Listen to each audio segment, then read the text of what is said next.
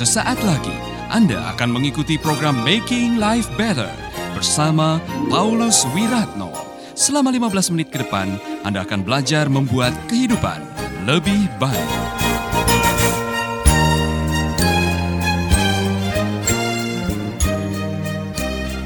Yang ketiga, dosa itu bisa mendatangkan stres. Bukan hanya dosa itu mendatangkan rasa bersalah. Rasa bersalah yang dibiarkan terlalu lama bisa membuat Anda distres, distres atau stres atau depresi.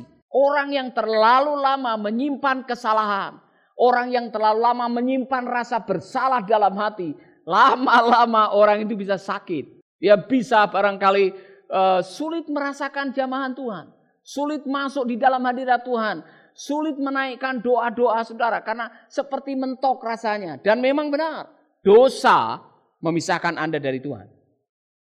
Jadi jangan sok pura-pura suci. Karena Tuhan tidak bisa ditipu. God is holy. Tuhan itu kudus. Jadi kalau kita berpura-pura kudus, jangan pikir Tuhan bisa dikibulin. Ya kan? Baru mukulin istri atau baru saudara ngomongin orang, saudara baru saja iri hati, saudara baru menjahati dan menzolimin orang, masih bisa datang ke gereja dan menyanyi seolah-olah tidak ada apa-apa. Masih ingat lagunya? Siapakah aku ini Tuhan? Dipikir Tuhan tidak tahu. Waspadai, kita semua bisa terjebak dalam kemunafikan oleh karena tuntutan peran. Saudara-saudara, saya harus mengatakan ini kepada kita semuanya dan kepada saya sendiri. Jangan bermain-main dengan dosa. Karena kalau engkau menyimpan dosa, tahu-tahu ini contoh. Saudara menyimpan selingkuhan 12 tahun. Tiba-tiba apa? Tiba-tiba orang itu mati.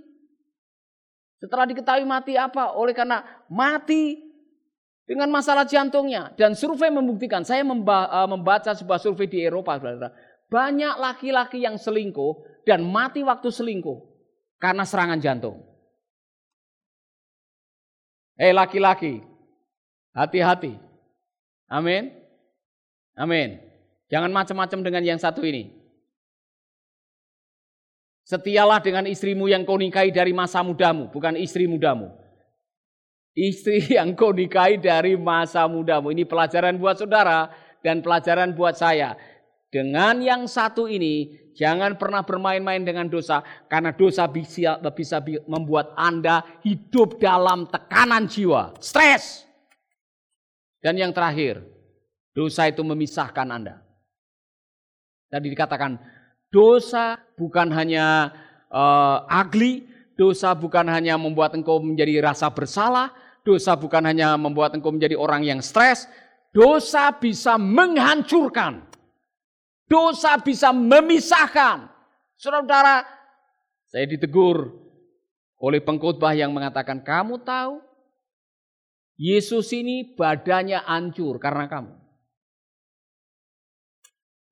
Di dalam uh, kalau saudara melihat film penyalipan yang paling mendekati aslinya adalah The Passion.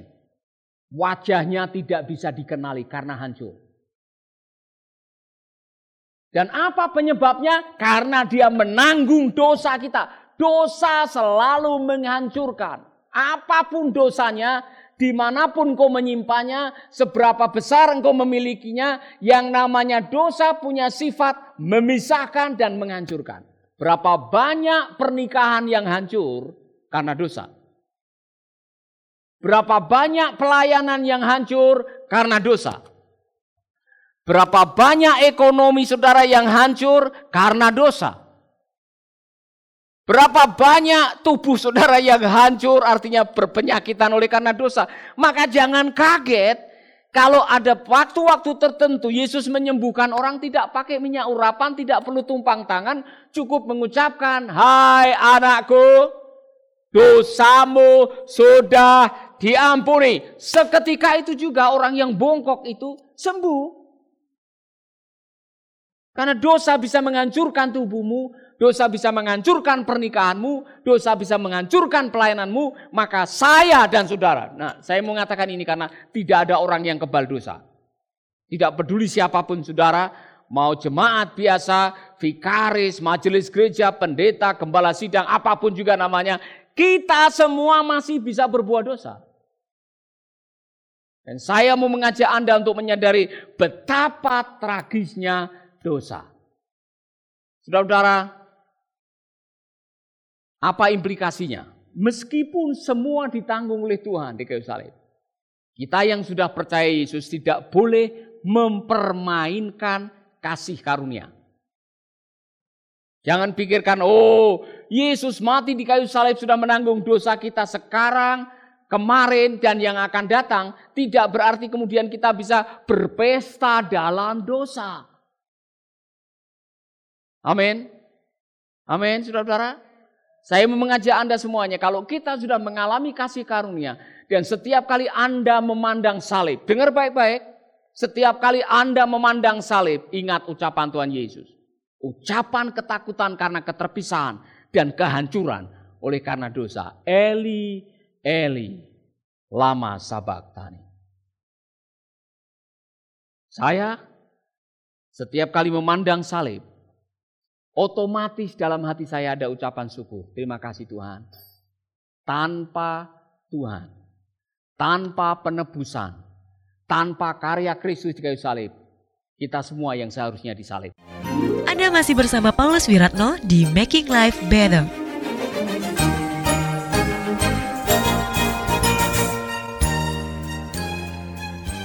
Saudara saya mau mengatakan ini kepada Anda semuanya. Kita tidak mungkin bisa bersatu lagi dengan Bapa di surga karena dosa-dosa kita.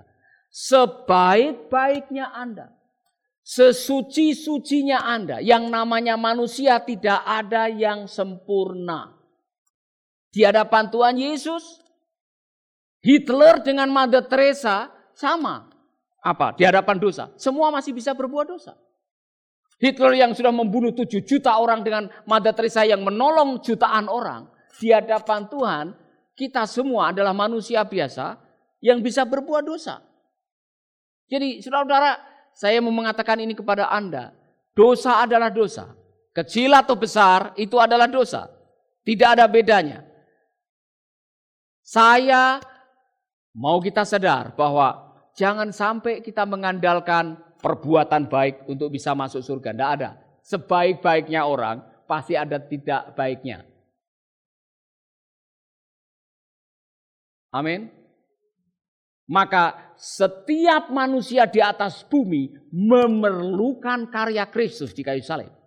Karena hanya dengan penebusan di kayu salib, oleh karena pengorbanan Kristus, seluruh umat manusia punya akses untuk mendapatkan keselamatan. Dan mohon maaf saya harus mengatakan kepada Anda, di bawah kolong langit ini tidak ada nama lain yang di dalamnya kita mendapatkan selamat. Kecuali nama Yesus. Di dalam Yesus ada jaminan keselamatan dan itu sudah dibuktikan pada waktu dia di kayu salib bicara dengan salah satu penjahat yang mengatakan ingatlah aku pada waktu kamu sampai atau kamu datang lagi eh, di dalam kerajaan yang baru. Yesus mengatakan hari ini juga kamu akan bersama-sama dengan saya ke Firdaus. Hari ini juga itu adalah words of assurance, kalimat kepastian, jaminan bahwa siapa pun Anda, di mana pun Anda tinggal, apa pun macam dosa Anda, seberapa banyak dosa dan kebobrokan yang sudah Anda lakukan hari ini juga, kalau saudara percaya kepada Yesus, saudara punya akses untuk diampuni, saudara punya akses untuk bersama dengan Bapa di surga, saudara punya akses untuk mengalami keselamatan dan mengalami seluruh khasiat kuasa salib yang Tuhan sudah berikan kepada kita. Amin. Saya mau menantang Anda semuanya. Saya tidak tahu situasi saudara sedang apa. Kalau saudara mungkin ditemplak oleh firman Tuhan ini. Karena selama ini saudara meremehkan dosa. Membuat dosa seolah-olah menjadi fun. Atau saudara mengabaikan dampak daripada dosa. Saya mengatakan dosa itu serius. Tidak ada dosa kecil, tidak ada dosa besar. Pak Coyonggi pernah memberikan ilustrasi. Coba lemparkan itu batu ke danau, batu dilempar, maka batu itu tenggelam. Sekarang kamu ambil yang kecil, kerikil. Lemparkan itu kerikil ke danau. Kamu lihat apa yang terjadi? Kerikil yang kecil juga tenggelam. Mau dosa besar, mau dosa kecil, bisa menenggelamkan Anda, membuat Anda bisa kehilangan sukacita, kehilangan kesempatan bersama dengan Tuhan, kehilangan hadirat Tuhan, kehilangan berkat-berkat Tuhan, maka tidak ada cara lain. Minta pengampunan dari Kristus. Untuk itulah dia mati di kayu salib buat kita. Amin. Saya mau mengajak Anda semuanya berdoa. Saya minta singer maju ke depan. Menyanyikan lagu tadi, hidupku menggenapi firmanmu. Dan saya mau mengajak semua yang sedang menonton atau mendengarkan. Kalau saudara mengakui, selama ini engkau menyimpan dosa. Saya mau tegas dengan saudara-saudara. Dosa itu merusak. Dosa itu memisahkan. Dosa itu bikin stres. Dosa itu bisa mendatangkan penyakit. Dan hanya ada satu cara untuk menyelesaikannya, minta ampun kepada Tuhan. Dan Kristus mati di kayu salib menjadi penebus. Menjadi penghapus dosa saudara. Amin. Amin saudara-saudara, taruh tanganmu di dada dan berdoa dengan saya. Haleluya. Haleluya. Amin. Amin. Amin. Hidupku. Hidupku menggenapi firman-Mu. Haleluya. Tanda mujizat. Amin. sertai tiap langkahku. Kau bersamaku di dalamku jadi bukti kebesaranmu. Saudara taruh tanganmu di dada dan berdoa mohon pengampunan dari Tuhan.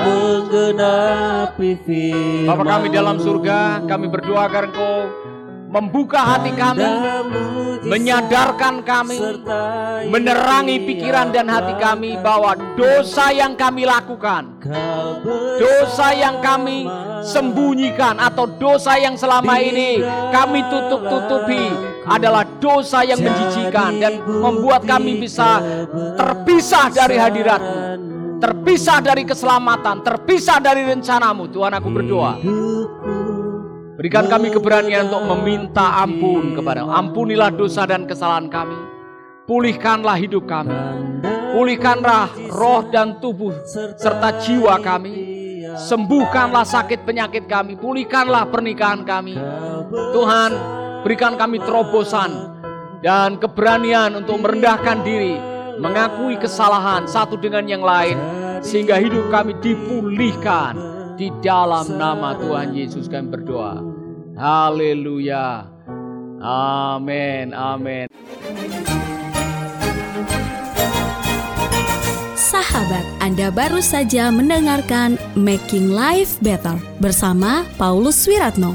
Jika Anda diberkati, kirimkan kesaksian Anda ke Radio Dian Mandiri, Jalan Intan LC2, Gang 4, Nomor 1, Denpasar, Bali. Kunjungi website kami di pauluswiratno.com, Facebook Paulus Wiratno. Hubungi kami di 0811 3901 144 dan 0811 3901 140. Sekali lagi 0811 3901 144 dan 0811 3901 140. Anda juga bisa mendengarkan program Making Life Better ini melalui handphone Anda. Download aplikasinya di Play Store atau App Store. Sahabat, mari dukung program Making Life Better ini melalui rekening BCA 6690300525.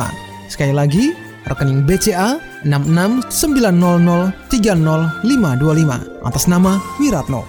Terima kasih, Tuhan Yesus memberkati.